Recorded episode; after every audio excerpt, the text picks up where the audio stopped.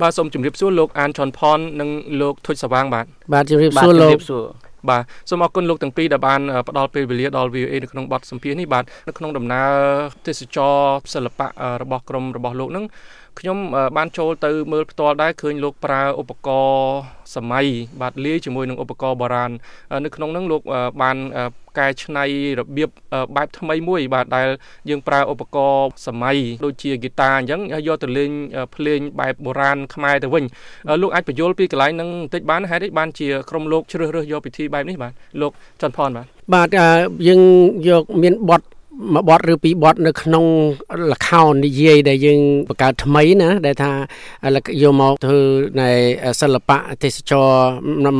នៅស្រុកអាមេរិកនេះ គឺ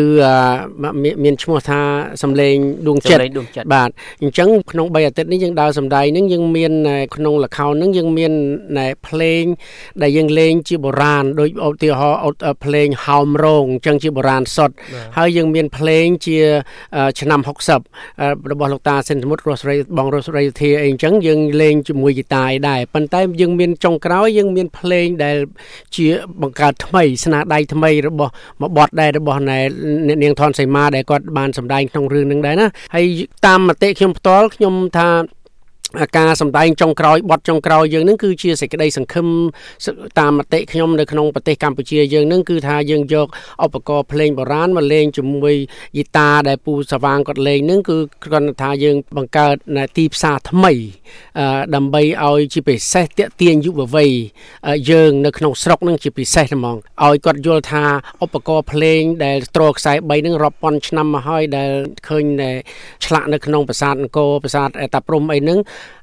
អាចយកមកលេងជាមួយហ្គីតាជាមួយព្យ៉ាណូអីលេងបទថ្មី ដែលគាត់អាចមើលជាជាណោតភ្លេងរបស់ណែខាងមជ្ឈិមប្រទេសនេះក៏បានដែរអញ្ចឹងពេលគាត់ឃើញអញ្ចឹងគាត់មានមោទនភាពនឹងទី1ហើយទី2យើងត្រូវរករកមធ្យោបាយយ៉ាងម៉េចដើម្បីឲ្យមានទីផ្សារបើយើងលេងឧទាហរណ៍ថាលេងតែឧបករណ៍ភ្លេងបុរាណរបស់យើងឬក៏ឬក៏ភ្លេងបុរាណរបស់យើងសុទ្ធជាងកាលយើងអត់មានទីផ្សារទលំទលាយច្រើនទេហើយអញ្ចឹងក្មេងៗនោះក៏គាត់មានពិបាកនឹងនឹងនឹងរកទីផ្សារដើម្បីចិញ្ចឹមជីវិតដែរឧទាហរណ៍អញ្ចឹងណាបាទបាទប៉ុន្តែមានការរិះគន់កន្លងមកលោកជន់ផនថាការយកឧបករណ៍សម័យបាទអាញាធរខ្មែរកន្លងមកគឺតែងតែថាជាឧបករណ៍បរទេសហ្នឹងបាទយកមកលេងភ្លេងបែបបុរាណខ្មែរហ្នឹងវាធ្វើឲ្យបាត់អត្តសញ្ញាណខ្មែរណាធ្វើឲ្យគុណតម្លៃនៃភ្លេងបុរាណខ្មែរហ្នឹងវាធ្លាក់ចុះអីទៅវិញលោកឆ្លើយតបយ៉ាងម៉េចពីការលើកឡើងឬក៏ពីកង្វល់របស់អ្នកអភិរក្សខាងវប្បធម៌មួយចំនួនកន្លងមកហ្នឹងបាទចំពោះខ្ញុំខ្ញុំបានជួបព្រឹទ្ធាចារ្យច្រើនដែរនៅក្នុងក្រសួងវប្បធម៌អីហ្នឹងខ្ញុំស្គាល់ច្រើនដែរហើយគាត់ក៏ស្គាល់ខ្ញុំច្រើនដែរខ្ញុំសុំគាត់ពេលខ្លះអ្នកខ្លះសុំគាត់ធ្វើជាទីប្រឹក្សារបស់អង្គការសិល្បៈខ្មែរមតៈយើងដែរខ្ញុំមានការតស៊ូមតិជាមួយគ្នាដែរថារឿងទីផ្សាររឿងអីហ្នឹងមានមានអ្នកខ្លះគាត់មិនសូវឲ្យយើងចង់ឲ្យយើងបំបែកអីច្រើនទេតែប៉ុន្តែខ្ញុំដឹងថាមានការប្រឹងប្រែងពីក្រសួងក៏ដោយពីខាងសិល្បៈខ្មែរមតៈខ្ញុំក៏ដោយប្រឹងប្រែងពេលខ្លះគេយក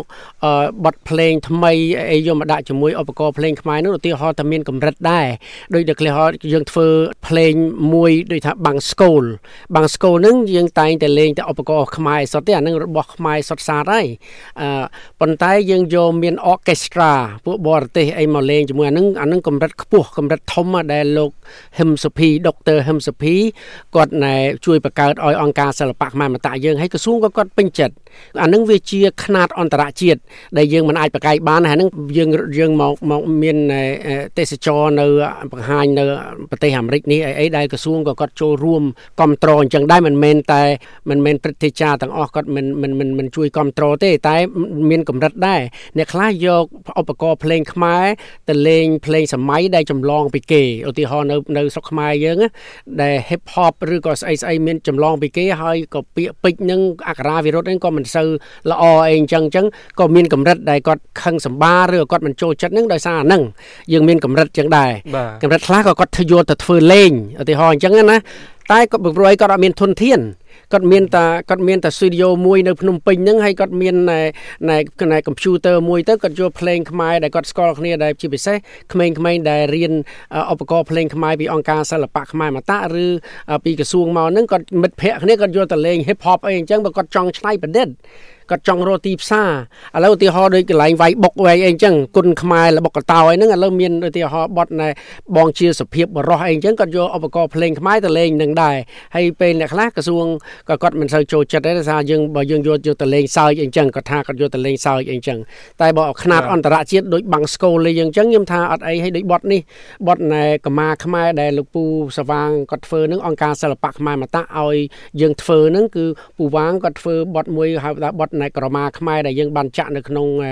ទូរទស្សន៍ទូអីហ្នឹងដែលបងវាងបងឯងអាចនិយាយពីអារម្មណ៍បងឯងបន្តិចហើយមិនមើលដែលយើងរកទីផ្សារជាមួយកូនក្មេងបាទបាទអរគុណច្រើនលោកបានច័ន្ទផនឥឡូវងាកមកលោកសវាងវិញលោកសវាងដែលជាអ្នកប្រើប្រាស់ឧបករណ៍បុរាណខ្មែរប៉ុន្តែនៅក្នុងការសម្ដែងនៅក្នុងសាររដ្ឋអាមេរិកខ្ញុំឃើញលោកប្រើឧបករណ៍ហ្គីតាដែលជាឧបករណ៍មិនមែនជាឧបករណ៍ភ្លេងបុរាណខ្មែរប៉ុន្តែយកទៅលេងភ្លេងបុរាណខ្មែរដែលស្ដាប់ទៅមួយបែបដែរលោកអាចជម្រាបជូនលោកអ្នកស្ដាប់យើងបានទេថាតើហេតុអីបានជាលោកប្រើឧបករណ៍សម័យ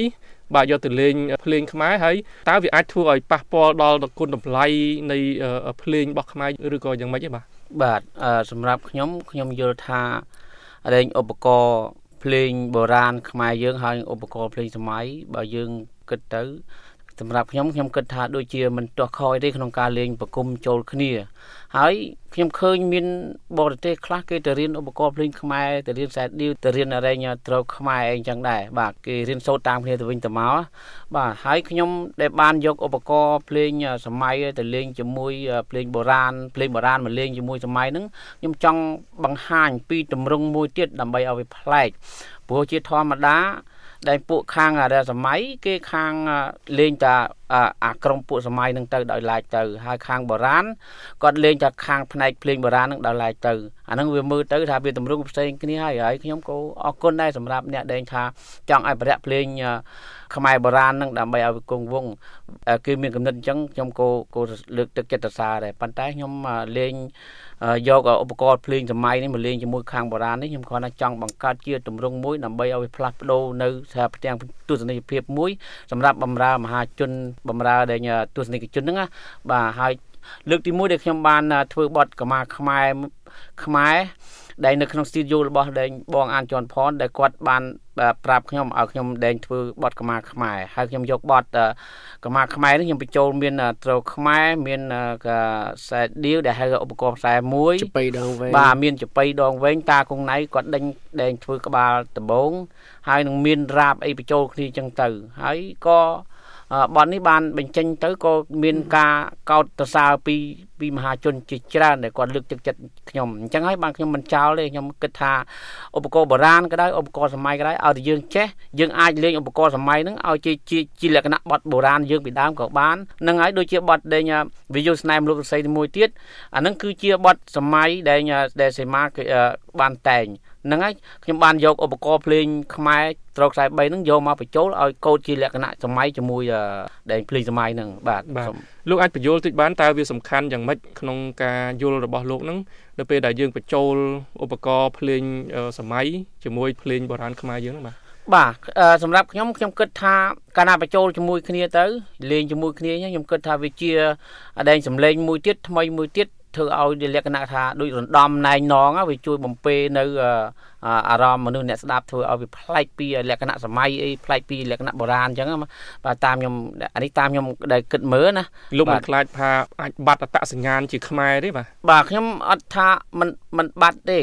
មិនមិនខ្លាចបាត់ទេដោយសារថាខ្ញុំក៏ជាសិល្បៈដែលខ្ញុំរៀនឧបករណ៍ភ្លេងបុរាណដែរ បាទហើយខ្ញុំក៏មិនចោលភ្លេងបុរាណដែរសម្រាប់តែខ្ញុំលេងឧបករណ៍ភ្លេងសម័យហ្នឹងបាទខ្ញុំខ្ញុំខ្ញុំលេងទាំងពីរខ្ញុំកាន់ខ្ជាប់ទាំងពីរ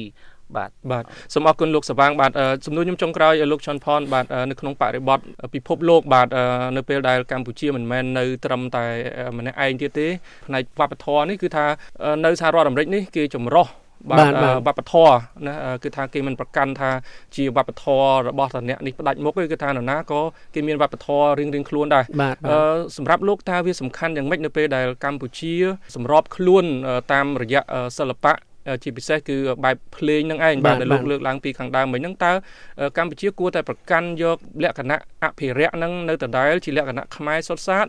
ឬក៏ត្រូវសម្របខ្លួនយ៉ាងម៉េចដើម្បីឲ្យចូលទៅក្នុងបរិបទពិភពលោកបាននៅក្នុងផ្នែកសិល្បៈហ្នឹងបាទសំខាន់ណាស់បាទបាទរឿងហ្នឹងព្រោះអីយើងវាតាក់ទងទៅនឹងសេដ្ឋកិច្ចទៅនឹងរកទីផ្សារឲ្យកូនចៅយើង កូនចៅយើងដែលខំរៀនឧបករណ៍ភ្លេងបុរាណហ្នឹងខ្ញុំជឿជាក់ថា គាត់ត្រូវការរស់ដែលបើលេងតែបទភាសាបុរាណឧទាហរណ៍ថាអញ្ចឹងបទបុរាណមានប្រមាណបទយីគេបទលខោនភាសាបទអីអញ្ចឹងទៅលាក់លាក់អញ្ចឹងមានប្រមាណយើងក្មេងៗនឹងចេះអស់ហើយឃើញទេយើងអាចអភិរក្សវាទុកវាជារបស់អត្តសញ្ញាណរបស់យើងយើងមានហើយ ប៉ុន្តែយើងចង់ថាឥឡូវឧបករណ៍ភ្លេងបុរាណនេះបរទេសគេចង់រៀនដែរឧទាហរណ៍អញ្ចឹងយើងត្រូវបរៀនគាត់យ៉ាងម៉េចហើយមានបទខ្លះដែលក្មេងៗយើងឥឡូវនេះវាវាត្រូវតែអភិវឌ្ឍហើយអត់អាចនៅថ្មឹងបានទេហើយខ្ញុំជឿជាក់ថាមតិខ្ញុំនឹងថាវប្បធម៌វាតែងតែអភិវឌ្ឍដោយមនុស្សលោកយើងដែរដោយដង្ហើមយើងដែរมันអាចនៅថ្មឹងបានទេ តែរឿងបាត់អត្តសញ្ញាណរបស់យើងខ្ញុំខ្ញុំខ្ញុំយល់ថាការ៉ង់ទីអញ្ចឹងថាអត់បាត់ទេដោយសារយើងរៀនឲ្យក្មេងៗរៀនដំបូងហ្នឹងគឺរៀនឧបករណ៍ភ្លេងបុរាណហើយតម្រង់ភ្លេងបុរាណនោះឯងគាត់មានរួចមកទៅហើយអញ្ចឹងម្ល៉េះហើយអាទីផ្សារកាន់តែធំទូលំទូលាយទៀតបងឯងថាអញ្ចឹងយើងសេសមារណកម្មហើយ